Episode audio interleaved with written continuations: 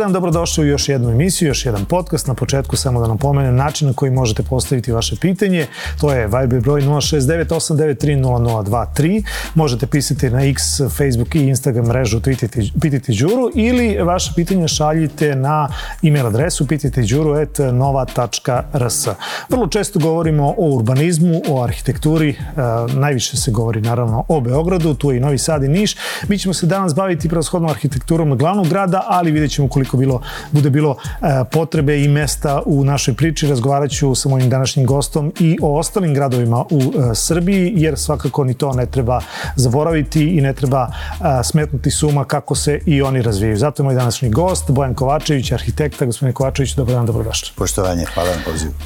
Kud ide Beograd urbanistički? Ja se sećam kada je gospodin Bobić bio glavni gradski arhitekta, on se zvao glavni gradski arhitekta, pa onda je sa gospodinom Folićem taj arhitekta postao glavni gradski urbanista i evo do danas sa gospodinom Stojčićem imamo glavnog gradskog urbanistu.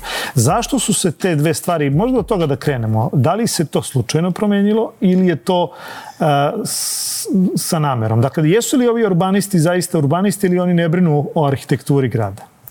Pa, e, tu ima jedna, jedna e, klackalica, znači arhitektura, urbanizam, a boga mi nam se prišunjalo i prostorno planiranje. Pazite, prostorni planeri nisu e, imanentno urbanisti. To što nisu arhitekti, to obaška, ali nisu, a, a recimo a, plan za Beograd na vodi je a, prostorni plan prostorni plan područja posebne namere, namene koji je, da kažem, u domenu zakonskoj, e, e, zakonskoj, zakonskom domenu prostornog planiranja i za izuzetne namene, izuzetne lokacije uopšte nije gradska urbanistička tema. To se radi za autoputeve, za vojne poligone, za, e, da kažem, hidrocentrale ili nešto što, što neki region čitav obuhvata. Tako da je gradski arhitekta, što je u početku bilo sasvim ok i moram da kažem, Đorđe Bobić je jedan vrlo poznati i iskusni arhitekta i ta titula i taj posao koji je imao je u skladu sa njegovim renomeom u struci. E, nažalost, bez ličnih nekih e, e, opaski, trojica gradskih arhitekta, odnosno urbanista, posle toga su ljudi koji ni iz daleka nemaju u esnafu ugled koji bi trebalo da ima, ne po mom, nego po mnogo čijem mišljenju, gradski arhitekta, glavni gradski arhitekta, glavni gradski urbanista, radi se zapravo o čoveku koji ime struke vodi u gradu. Ja bi e, podsjetio na još jednu stvar ako se dobro sećam, Đorđe Bobić je bio pomoćnik gradonačelnika i gradski Jest. arhitekta, što u stvari nije pitanje titule, nego je pitanje znaka koliko je to bitno. Znate, ovako, e, gradski urbanista deluje kao neko ko nešto obavlja. E, plašim se u E, našem realitetu da obavlja zapravo dosta po tuđim željama. Pa onda ko vodi e, arhitekturu i urbanizam našeg grada? Dakle, da li ga vodi politika, da li ga vode stručnjaci ili ga vodi interes uh, krupnog kapitala? Ili sve to ukupno pa šta da? Ja bih rekao da ga vodi e, politika, jer e, evo svešću na jedno samo pitanje na koje ja ga postavljam zato što znam da ne može da se da odgovor ko je predlagač ili ko je programer da na, e, na prostoru sajma se sutra instalira neki e, panoramski točak? što je bilo već u medijima, znači to nije neka e, apokrifna tajna, tajna informacija. Ko daje programe za prostor? Znate, to nije ni pitanje e, investitora, to je e, prilično van kontrole, tačnije rečeno u kontroli političara je Ne zaboravimo još jednu stvar koja nije, nije indiskretna ni po čemu, a to je da aktualni predsjednik Republike Srbije e, dva put na izborima za gradonačnika Beograda izgubio i opšti je dojam da on nadoknađuje te svoje poraze pri, pri kandidovanju za gradonačelnika. Danas upravljajući zapravo onim što se zove razvoj grada, a ja uporno skrećem pažnju da se razmisli šta je rast, a šta je razvoj. Vi ste na neki način onda i dali odgovor na to pitanje za koje kažete da nema odgovora. Pa, e, nema odgovora koji je smislen. A onog... A ko bi trebalo? E, pa ste... Evo, sad u ovoj nomenklaturi, e, da, ne, da ne idemo imenom i prezirom, nego funkcijom. Dakle, ko po ovoj nomenklaturi gradske vlasti bi trebalo da odlučuje o takvim stvarima? Eto, taj panoramski točak treba ili ne treba, ko se tu skuplja, kako se odlučuje. Imamo 7 dana uvid javni na koji faktički ljudi pa ne, ne znaju da to, da postoji. To samo pro forme, pro radi i prolazi. To je pro forme. Pa evo, možda od toga posljednjeg što ste rekli da dam komentar. Znači, planiranje više nije planiranje, to je proknjižnja, pro, kako se kaže kad nešto treba proknjižite, ovaj, e, e, nečiju odluku, investiciju ili tako dalje. Znači, to je toliko formalizovano do, do, do ovaj, besmisla. Evo, sad je e, bila rasprava oko, da kažem, preparcelacije i ostalog za sajam, pa je zapravo glavni problem nastao da bi to moralo po zakonu i po redosledu da se radi kao plan detaljne regulacije, a ne kao urbanički projekat javnost verovatno ne može to da pohvata šta je šta, ali je razlika suštinska razumljiva svakom, a to je da plan detaljne regulacije mora da ide na javnu raspravu, a urbanistički projekat ne mora.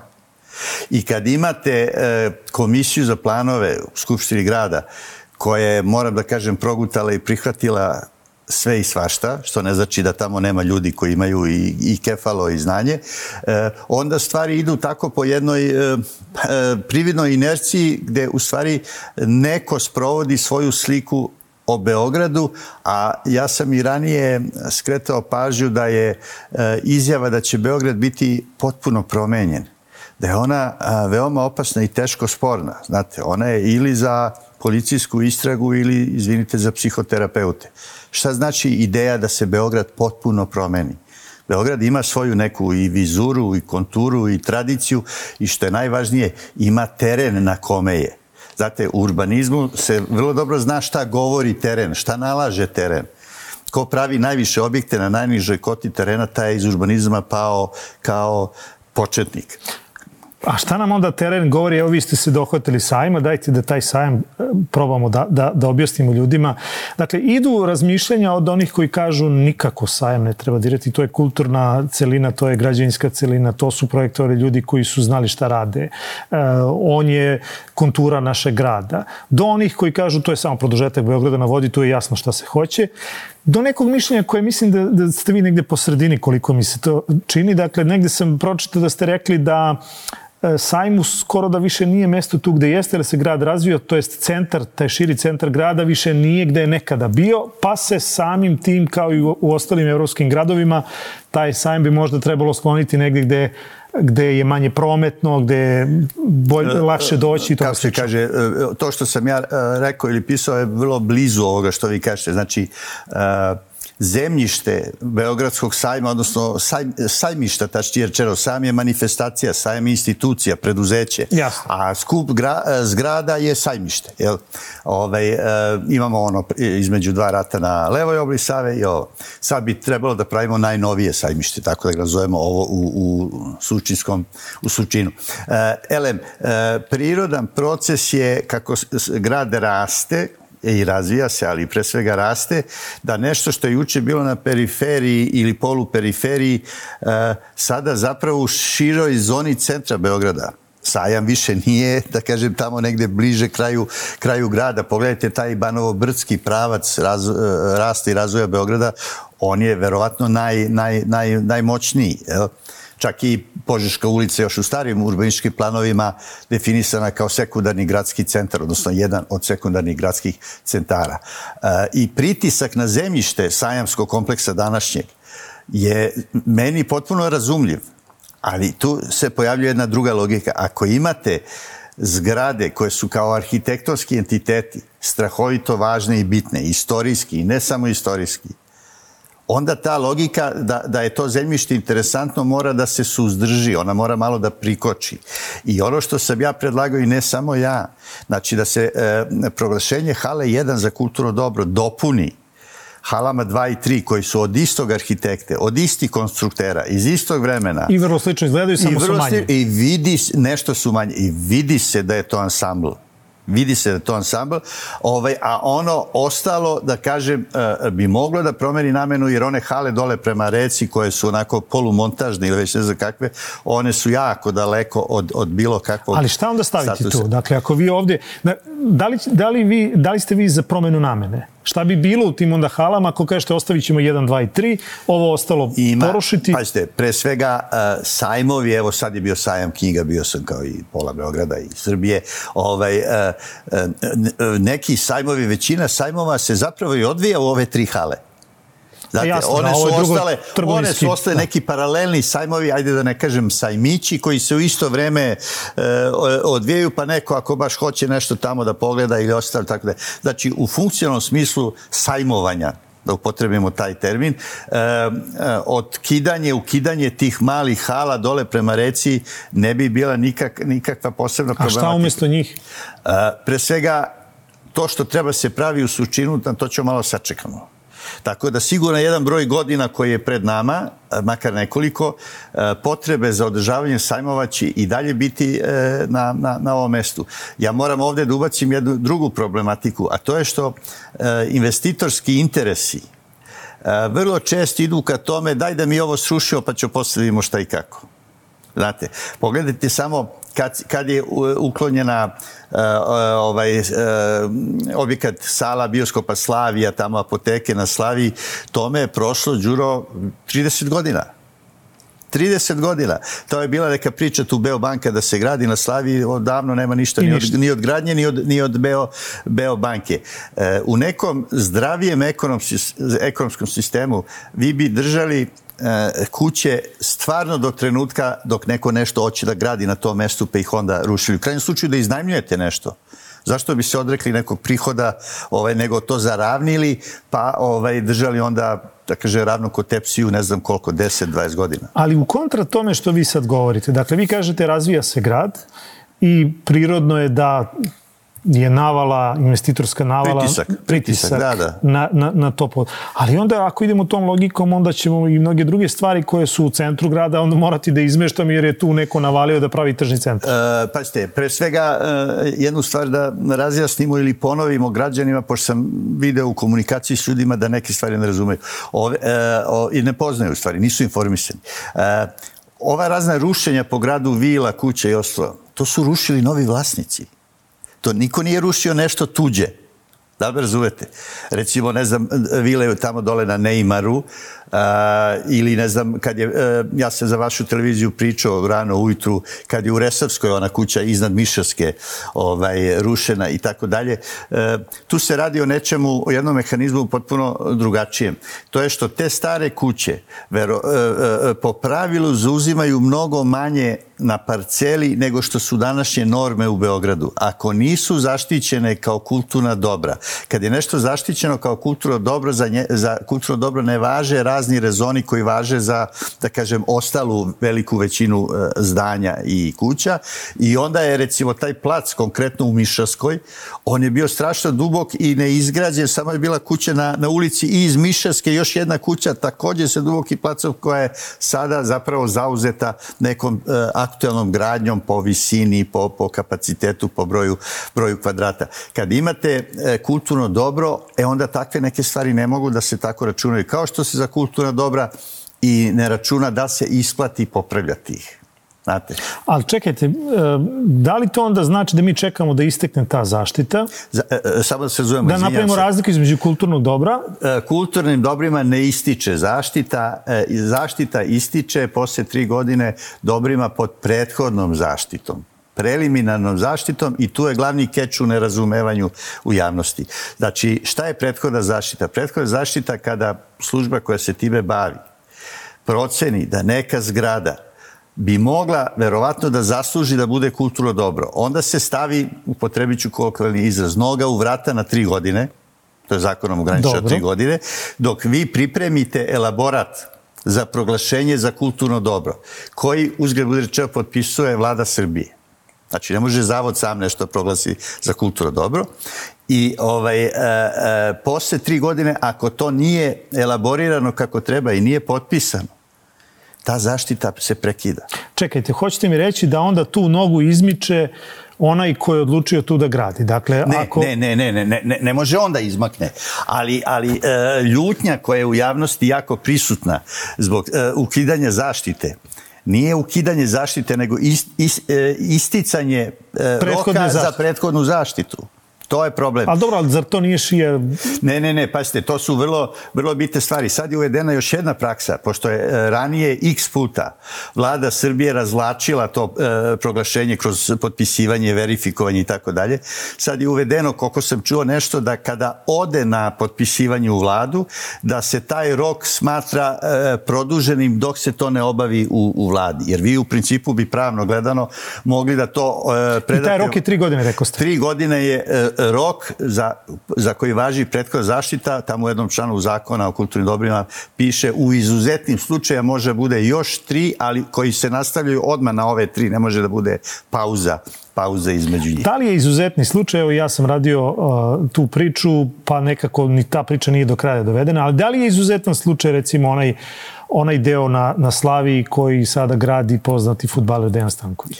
To je njegova firma ili valjda on? Da, pazite, tu, tu, tu ima sad još, još jedna, uh, jedan problem, jedna klackalica u razumevanju i tumačenju. Neke stvari su kao ambijentalne celine pod, pod uh, zaštitom, odnosno pod prethodnom zaštitom. Uh, ključ za razumevanje problema u Beogradu je taj što je u ranijim decenijama, znači pre 20-30 godina, uh, i neke, neki potpuno drugi ljudi koji sede u Zavodinu zaštitu, oni su sve i svašta stavljali pod prethodnu zaštitu. Tada, je, e, tada se pravno nije obraćalo toliko pažnje e, da ta zaštita naprosto ističe. Da me razumete? I onda su se pojavili, naravno, ko? Advokati, koji su u beogradskom urbanizmu strahovito postali važni, koji neke pravne statuse obaraju kao kegle u kuglani. Ako ćemo da se držimo zakona, mm -hmm. ako ćemo da se držimo iz vremena socijalizma, dogovora ili, ne znam, prećenja tamo iz nekog komiteta ili nekog, onda bi nešto moglo da opstane, ali toga više nema.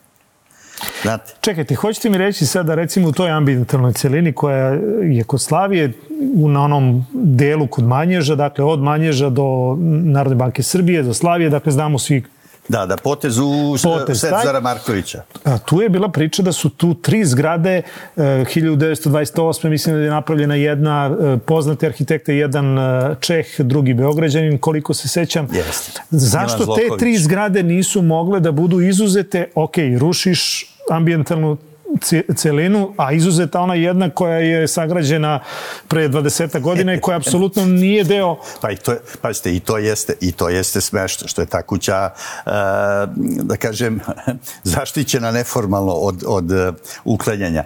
Ali uh, vraćam se na, na, kako bi rekao, jasnoću zaštite. Ja sam kolegama iz zavoda, od kojih znam, da kažem, većinu, govorio dobronamerno, pa su oni to, neki od njih su to apsolutno shvatili, a šta su mogli da primene druga stvar? Štiti manje, a štiti jasnije. Da li me razumete? Dobro.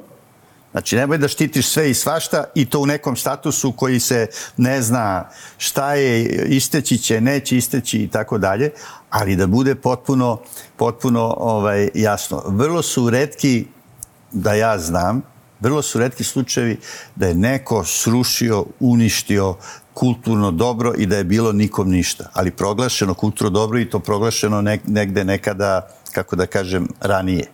Znate, ovo kod, kod Manježa, koliko ja znam, nije bilo uh, u statusu kulturnog dobra Tu je zaštita istekla. Tu je zaštita istekla. A zaštita istekla i onda šta imate? Onda imate reakciju građana, koji vrlo često u najboljoj nameri zabijaju autogolove.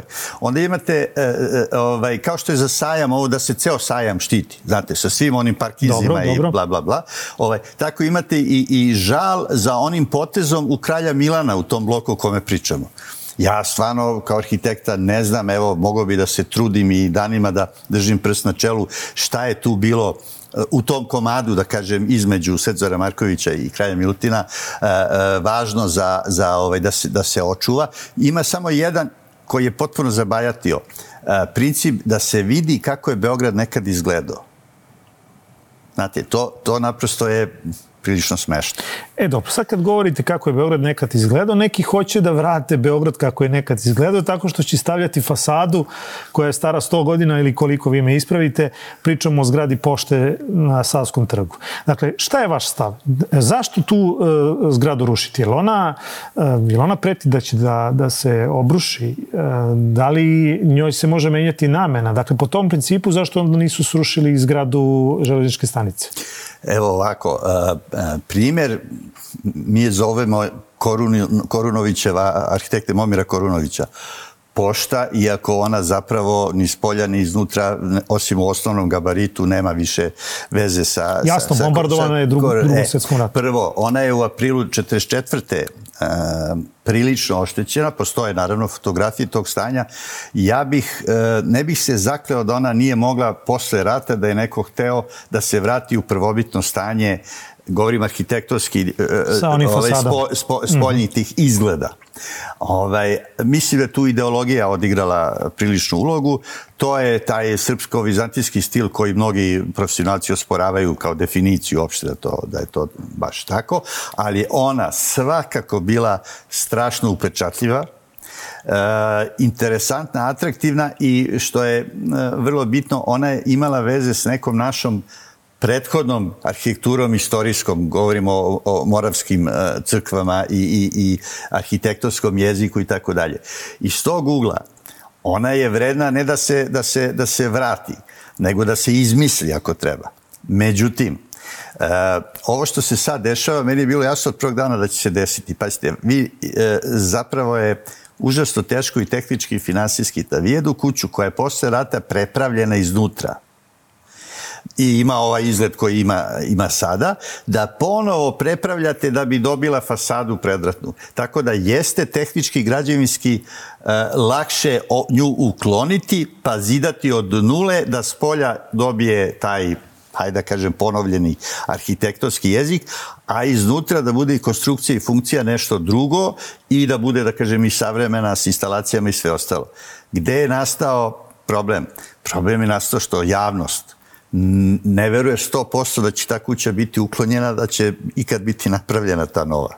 Izvijam se. Da će biti samo produžetak Beograda na vodi. Da će biti možda produžetak Beograda na vodi. Malo pre sam govorio o nečemu što biva srušeno da bi se nešto zidalo, pa to se nikad ne sazida ili se ne sazida to e, oko čega je pričano da se ruši e, ovo. Drugo, e, kvadratura namena unutra koja je obelodanjena Isto tako... Uh, da, trećina kulturni sadržaj, dve trećine trećina, komercijalno. Trećina je kao kulturni sadržaj koji tamo na tom mestu, na toj visini, baš ne znam koliko je... Šta bi moglo da bude. Šta bi moglo, kako da bude. Ovo sa priča sa Boškom Buhom je uh, otpala, pošto kolektiv Boška Buh naprosto su ljudi prepoznali o čemu se radi i ne pada im na pamet tamo. Čak sam sklon zaključku da je izmišljena priča o Bošku Buhi zbog problema tamo nekih u zgradi reunione na, na Trgu Republike, pa da eto, kao da im grad učini, pa da ih da ih preseli. Ovaj, I ono što je zapravo najvažnije, ta pošta Korunovićeva, ona je bila stanična pošta, pošta vezana za železničku stanicu. Što više ništa ne postoji. Što više ne postoji i što, da kažem, ne može da se... Ona je čak ako hoćete i regulaciono, tamo jedan solo drinker u tom prostoru, ovaj, pošto ona izlazi na, na, na Savsku i ovamo je prema onim e, kolosecima bila, e, da kažem, prišla, ušla. E, danas to, to ne možete da, kako se kaže, osmislite baš lako, a pritom je u visinskom smislu ona potpuno superiorna u odnosu na zgradu ženičke stanice koja je iz 1884. Jel, misli sa svojom visinom koju, koju ima. Tako da e, ne znam šta će sa tim biti, vidim da je oko toga opet e, džumbus i da e, zapravo razni e, e, radikalni zahtevi i predlozi onemogućavaju da se, da se nađe neko ne srednje rešenje u smislu kompromisa, nego ne, neka razumna, razumna, razumna logika. Vrlo često komentarišete i saobraćaj, dakle on je usko vezan za, za vašu struku. Kud ide ovaj saobraćaj? Dakle, je li ovo, dokle više može da se napreže? Dakle, kad će zaista da pukne? Jer ovo kako sada funkcioniše, dakle, ja mislim da ni jedna podzemna garaža nije urađena poslednjih 10 godina. Bila je priča oko rekonstrukcije Kneza Miloša, to je skup projekat, dugo bi trajao, pitanje kako bi saobraćaj se odvio kada bi se to radilo. Dakle, Kako vi vidite kuda će ići ovaj, ovaj grad saobraćajno? plašim se da, da biranim rečima odgovorim na pitanje. A što se tiče garaže, odmah da vam kažem, ni, nije problem uh, jedino u, u garažiranju. To je jedna od glavnih, uh, jedan od glavnih, ne mogu kažem grešaka, nego previda, ne vaših, nego svih nas. Dobro, jasno. Znači, vi imate kapacitet ulica koji ne može više da primi tu količinu automobila. Sve da vam sutra neko pokloni neku garažu od 300 mesta ili ne znam koliko. Ta kola moraju da izađu na neku ulicu. E, postoji postoje u stvari idejno rešenje za garažu ispod finansijskog parka, tamo ja stanujem u tom kraju, i, i e, danas, bez ikakve garaže podzemne, u ulici, recimo, admirala Geprata su kolone u, u vreme kraja radnog vremena ili najčešće i pre podne i predveče, tek se onda nešto to radi. Sad zamislite da na tu takvu ulicu gde je bio planiran ulaz, izlaz, ovaj, da izađe još ne znam koliko desetina automobila svakih nekoliko minuta. Oni nemaju gde da, da uđu. Kad ste spomenuli rekonstrukciju Kneza Miloša, ja sam gledao taj projekat i smeo sam se. Zašto? E, odnosno nacrt, ne znam da li je to razvijeno. Tamo je bilo predviđeno da bude sada šest traka, ali sa srednjim ostrvom. Danas ima pet traka od kojih semaforizacijom. Ona jedna srednja ide Ujutru, u, da, da, ide. Pazite, drugim rečima, vi i dalje imate tri trake po pravcu. Što imate i danas. Napadnuti pravac dobije tri trake, treću traku dobije... Znači, vaš stav je da se time ne bi dobilo ništa? Pa, e, po onome što sam video kao crtež se ne bi dobilo uh, ništa, a uh, da kažem, opet imate, kada vozite, ako ste vozač, kad idete iz Kneza Miloša gore, u ovaj gornji deo od generalštaba, Dobro. Ovaj, tamo, tamo je, ima jedna traka manje. Tako da i već, u, e, e, to vam je, saobraćaj se najbolja, nisa saobraćaj inženjer, saobraćaj se najbolje razume kao vodovod i kanalizacija. Ne može u kanalizaciji veća cev da ide u manju uvr glave Nego možda ide u istu. A moral, a bilo bi vrlo dobro da je, da je ovaj, e, obrnuto. Prema tome, ako ste vi neku ulicu proširili, a onu sledeću niste, nije baš jasno šta ste dobili. Zato imate jedan antologijski primjer u Beogradu, a to je e, ulica e, Bulevar Despota Stefana na potezu od Cetinske do, do ovaj, dole šta je Georgea Washingtona ili već koja je, e, gde postoje dve, tri stare kuće koje su ušle u regulaciju Nove kuće su e, povučene u odnosu na tu nekadašnju regulaciju i već decenijama se čeka da budu srušene te dve, tri stare kuće da bi Buleva, Despota Stefana na tom potezu dobio širinu koju ima dole prema, prema ovaj, gradskom supu i, i, i tako dalje. Znači, na jednom mestu ima, to bi ovi kardiohiruzi bolje objasnili, ima začepljenje. Jesmo li šta dobili sa obraćajnicama koje, koje na neki način čak i semaforizacija je napravljena tako, ili se to bar meni čini kao začu, da se saobraćaj preusmerava na Beograd na vodi. Dakle, je li se ovaj deo grada rasteretio sa Beogradom na vodu ili je sad još gore? I molim vas, pošto živite tu blizu, pretpostavljam da ste se interesovali, e, imali nekog logičkog, e, iako niste saobraćajac po struci, to je saobraćen inženjer, imali nekog logičkog objašnjenja za e, onaj deo Sarajevske ulice koji je sada dvosmeran? E, za mal nisam poginuo pre neki dan zbog toga jer smo prelazili, moja gospođa i ja smo prelazili tamo u ulicu e, naviknuti, ajde da ne kažem već godinama. Jedan smer. Ovaj, da li o, e, tamo iz Sarajevske neko, neko ovaj, e, dolazi, ako nije recimo zeleno za pešake, a nema nikog iz Nemanjine, da bi u jednom trutku videli neki auto koji ide ka nama, onako, ja sam pomislio da je neki ludak ili, ili pijanac. I, I onda je ovaj, Sanja moja rekla, pa evo imaš dole na, na, na asfaltu, imaš uh, skretanje, skretanje u Nemanjinu. Obavezno, Nema, desno ne može Da, da, da, ne može pravo, ne, ne, može, ne može desno. Ne znam da li je to nešto privremeno ili, ili, ili je za, za, za stalno, ali pošto živim u tom kraju decenijama, to je stvarno za mene, za mene ovaj, e, novitet. Očito e, postoji negde neka potreba, da li ona, kako se kaže, eksplicirana baš pametno i, i tehnički korektno, to nešto nisam, nisam siguran. E, mostovi, šta sa njima? Nemamo ih dovoljno, to znamo svi, ali evo recimo jedna od ideja koja prosto, ja ne znam da kako je niko nije razvio u tom smislu. Dakle, mi imamo jedan most koji apsolutno neiskorišćen. Dakle, to je, zašto taj most jedan koji, koji, na kom nema, to je zarasla trava preko Uh, to je stari onaj železnički most, zašto on bar nije mogao biti iskorišćen da bude pešačko-biciklistički? Eto, samo to. To je bila, to je bila ideja e, mog kolege arhitekte i dobrog poznanika Ivana Ratkovića. On je radio jedan projekat, e, ja se sećam, to je još bilo 80. Mislim da je Bogdan Bogdanović tada bio predsjednik Skupšte grada, mi to zovemo pogrešno gradonačelnik, ali to je e, vršenje te iste funkcije. To je bio interesantan projekat koji, koji je nedavno isto razmatran da se reanimira.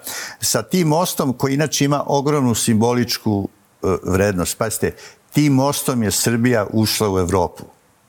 Jer taj most je povezao jednim, e, da li aneksom ili nekim sekundarnim dokumentom Berlinskog kongresa 1878. je, je ovaj, Srbija se obavezala da se uključi u železničku mrežu. Onog trutka, kad se vi uključite u mrežu puteva, jeste deo nečega i ako to piše nekom na čelu i ako, i ako ne piše. Pazite, do dana današnjeg mreža rimskih puteva je pojam koji je stari Rim pravio u mediteranskom uh, bazenu. I to kad čovjek negde vidi, onda shvati da je to jedan svet bez obzira koje su to danas države ili nešto. Uh, problem sa starim želječkim mostom i sa mostovima uopšte uh, može da bude taj da li s jedne i s druge strane na obalama. Nailazak na njih je deo uh, logike gradskog tkiva koja teži mostu. Ja ću vam napraviti analogiju sa takozvanim Brankovim mostom, koji stvari dva mosta koji i nemaju veze baš ni sa Radičevićem, još manje sa pokojnim Brankom Ćopićem, ovaj, osim u neoprezno datom imenu. Ovaj, vi kad pogledate, e, Branko ulica je probijena kad je pravljen most. Ona ide ovako ukoso. Dobro. Ona nije na nekom pravcu, potpuno jasno. Pa onda kad pređe na levo obalu Save, opet, opet ide u kosa. Šta ću kažem? To, t, e, mostovi neki drugi imaju taj, kako bi rekao, dugačak potez. Vi kad pogledate gazelu, Pa Gazela je, kako se kaže, jedna, jedna linija Mirijevskog potoka, odnosno na ovoj desnoj obali e, te e, udoline koja je potpuno prirodna logika da tu da ide put pa onda tamo da pređe, pređe most. Za stari železnički most ima još jedna tema malo nategnuta, a to je sezonski e, režim rada. To vam je priča o Muzeju savremene umetnosti na Ušću, gde kad mrak pada u četiri sata je jedno otići posjetiti zimi muzej, a druga stvar recimo otići leti kad je, kad je taj, taj park i ta obala vrvi od ljudi i ima savršenu atmosferu. Šta je sa starim tramvajskim? Kakav je tu vaš stav? Nekako se sad, čuti se o tome. Dakle, bilo je jedno vreme vrlo interesovanje, dakle, godinu, dve dana se samo o tome pričalo i evo sad, malte ne niko više to ni ne pominje taj most uh, ima jednu, jednu istorijsku, kako da kažem, uh, uh, vrednost, ali je zapravo javna tajna svima poznata da je taj most zapravo, odnosno zamena tog mosta u funkciji Beograda na vodi i sve što je partikularno, što je, što je tako posebno, uh, pazite da se razumemo, javni interes ne može da bude zbir uh, pojedinačnih interesa pogotovo, ne znam, investitora ili ne znam već koga. Ako je problem uh, zvuka što taj most, po znaci navoda, tandrče, e, vlasnicima apartmana u Beogradu, pa to je potpuno besramno onda da bude razlog za uklanjanje tog mosta. On jeste u smislu propusnosti, da kaže, dosta skroman. On ima dve trake, jednu za jedan smer, drugu za drugi. Ali one probleme koje, koje on dodatno nameće je, e, e, su u tome što se on baš ne, ne održava i ne ulaže u njega, a ljudi koji su stice okolosti ih poznajem, koji su radili ispitivanje šipova koji su pobijeni u dno Save za taj most, su mi posvedočili da on zapravo ne može da e, trpi dodatna opterećenja. Ne možete da zamenite šipove koji su ispod... ispod Što znači da, bi, da ne bi moglo ni da, da se do, proširuje? Do, dograđen, da bude proširuje. Jedno vreme se pričalo o dodatnim trakama sa spoljne Naravno, da. strane i tako dalje. To je i, se ispostavilo dosta nategnuta kilava, kilava opcija. Znate. I ne smemo da preskočimo Expo. Dakle, e, šta vi mislite da će biti sa tim Expom i ako se izgradi? Dakle, hoće li ta investicija vratiti novac građanima Srbije, s obzirom da se dakle, govori o milijardama. Evo, ponovit ću nešto što sam ovih dana govorio. Uh, Grci su za olimpijadu Atini, koliko sam obavešten, potrošili 9 milijardi evra. Neki od objekata koje su napravili propadaju.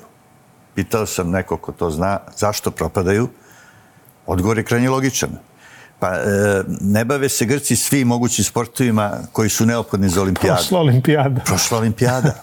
I onda imate primjer koji meni uvek ovde ispred nosa, a to je Bob Staza na Trebeviću u Sarajevu, Sarajevu. opet po istoj logici pravljena za e, olimpijadu u Sarajevu. Znači, e, čemu će služiti Expo? Oni koji, da povežemo ovako, oni koji osporavaju e, zaštitu sadašnjeg Beogradskog ovog posleratnog sajma, Pa pitaju, a šta bi se tamo dešavalo? Pa ja mogu isto tako da pitam, a šta bi se to dešavalo u Surčinu, u tim uh, halama uh, ovaj, tog uh, uh, ekspoa, uz još jedan detalj. Nažalost, Društvo arhitekata i Savez arhitekata Srbije ne reaguju na to. Paćete, neko naručuje besomučno projekte iz inostranstva po svom nahođenju, neki pravnik ili neki ekonomista ili već šta su ljudi koji vode neke stvari u ovoj e, e, zemlji, a s druge strane imate arhitektu i konstruktere e, sajma posleratnog koji su, sva trojica su bili članovi Srpske akademije nauka. I taj sajam, e, gde bi sad trebalo samo hala 1 da ostane poznat na celoj planeti u istoriji građevinarstva i, i, i ovaj, arhitekture. Tako da je Expo za, za mene kao građanina uh, ovo je možda više građanski komentar nego, nego struči, zapravo nečiji pokušaj da kupi vreme do 2027. godine da ništa ne pitamo, nego da čekamo da to da to ovaj, e, bude. Kako smo dobili taj ekspo i šta bi bilo ako ga se odreknemo, ja to sad ne mogu da, da procenjujem, ali e, mi se čini da je taj, to sučinsko polje ili već tamo gde se to sve radi, jedna ovako e, prilično, kako bi rekao, maglovita stvar. E, da li postoji u Beogradu neka, vi ste je malo pre nazvali celina, ambijentalna celina koja je netaknuta, dakle koja je očuvana. Evo recimo meni pada na pamet profesorska kolonija, ne znam da li sam u pravu, da li su to počeli da napadaju, ali um, jesu li ljudi svesni da, da, da je to nepovrat. Dakle, kada naruši to, recimo Vračar je primjer, Neymar, e, to više, vi kažete neko ko, kad kupi ima pravo s tim da radi šta hoće, ali da li baš ima nešta pravo? hoće, ne, ne, nešta hoće, ali, ali ovaj, kako da kažem, e, pre svega e, mora se dobiti dozvola za rušenje to isto podleže, podleže nekim, nekim dozvolama, ali je, kako da kažem, atmosfera u neobaveštenom građanstvu je takva kao da su neki ljudi rušili nešto tuđe na silu, što mislim baš i nije... E, pazite, glavni, govorimo, pitali ste me da li negde postoji nešto zaštićeno. Pa evo ja ću vam kažem, postoji ulica Kneza Miloša. I ona je čak i proglašena za kulturno dobro, za ambijentalno kulturno dobro uz jednu uh, farsičnu, ovaj, uz jedan farsični dodatak. Znate gde je granica zaštićene celine Kneza Miloša? Na parceli Skyline-a u Kneza Miloša, ulici. Koji ne, Skyline nema blage veze sa, sa ambijentalnom celinom Kneza Miloša. Bio je atraktivan, privlačan, ona od arhitekte Ludviga Tomorija, slovenca, zgrada Saveznog supa nije bila kulturno dobro, sa one strane zapravo slobodan prostor prema Gazeli, onaj park koji kaskadno pada i ostalo. E, u nekom trenutku e, je, da kažem, to dobilo e, papire i ovaj, napravili su nešto što je zapravo, ja sam tu u jednom tekstu nazvao, penjanje Beograda na vodi uzbrdo. To je potpuno ista priča. I danas iz Beograda na vodi, kad pogledate skyline, on deluje apsolutno preveliko. I onda imate onu logiku koju koju uh, uh, bih možda malo, da kažem, pokušao da budem duhovita, možda sam i neumesan. Znate, kad je gospodin Vesic objašnjavao da kad se dolazi u Beograd, onda ovaj, taj skyline kao nešto znači, on je tu marker, ulazite. A ja sam postao pitanje, a kako to deluje Beograđanima s one strane? Znate, ne, ne možemo turiste ili, ili došljake stalno stavljati u prvi plan da njima Beograd bude interesantan. To, to je, izvinite, bezobrazno. To je bezobrazno. E, nisam ni za ideju mog pokojnog prijatelja e, Bakića da se u Beogradu 10 godina stornira bilo kakva gradnja, da se resetujemo. Ideja reseta je vrlo logična i pametna, ali ne možete 10 godina u gradu ništa ne zidati. Ali očito Beograd jednostavno dah će, gubi, gubi dah od saobraćaja, od tog fetiša investiranja i zidanja i onda vi zapravo imate absurd kao što je recimo na Vračaru ono, da ne govorimo i o Neimaru i tako da je spomenuli ste profesorsku koloniju. E, vi zapravo uh, tamo zidate i ubijate onaj kvalitet zbog koga su ljudi krenuli tamo da kupuju stanove. Upravo tako. Znate, to je jedno, kako se kaže, jedno, jedno onaj cirkulus viciozus, vrtite se u krug. Znači, vi uporno hoćete da živite tamo zbog određenih kvaliteta, ali koje vi uništavate gradnjom i, i tim stanom u ovaj koji... Koji, koji ste kupili, koji, koji ste, koji ste kupili, se uselili. Pa da, u koji ste se uselili. E, znate kako se to najbolje vidi? Ja sam otvorio to pitanje nedavno i moram da kažem, stali su stručni ljudi na moju stranu. Beograd na vodi nije stambena sredina. To uopšte nije stambena sredina. Ako, ako je onaj Cerak Vinogradi dobio status kulturnog dobra, ako je u Njujorku bio jako važna e, stavka na izložbi jugoslovenske arhitekture, pa samo uporedite, ne radi se tu o, bukvalno samo o spratovima. Radi se o još nečemu mm -hmm. što uh, čovek koji je projektovao sa svojom gospođom Cerak Vinograde, on je preuzeo od svog prethodnika na arhitektonskom fakultetu stav koji je besprekorno jasan ne pričamo o stanovima, pričamo o stanovanju. Stanovanje podrazume još razne stvari koje nisu u, u gabaritu vašeg, vašeg e, stana. A, a u Beogradu na vodi vi zapravo imate vaš apartman, koji ste možda kupili za stanovanje, možda i niste kupili uopšte za stanovanje, i imate neke partere malo e, uređene i to je, i to je, ovaj, i to je sve. Gospodine Kovačeviću, hvala vam puno na, na razgovoru, na izvornom vremenu. Bilo mi je zaista zadovoljstvo. Hvala i vama na pozivu. Hvala još jednom. Moj da, gost bio Bojan Kovačević, arhitekta. Broj telefona otvoren za vaše pitanja. Nametnite vi neku temu. 069 893 0023 Facebook, X i Instagram mreža Pitite Đuru ili pišite na pititeđuru.nova.rs.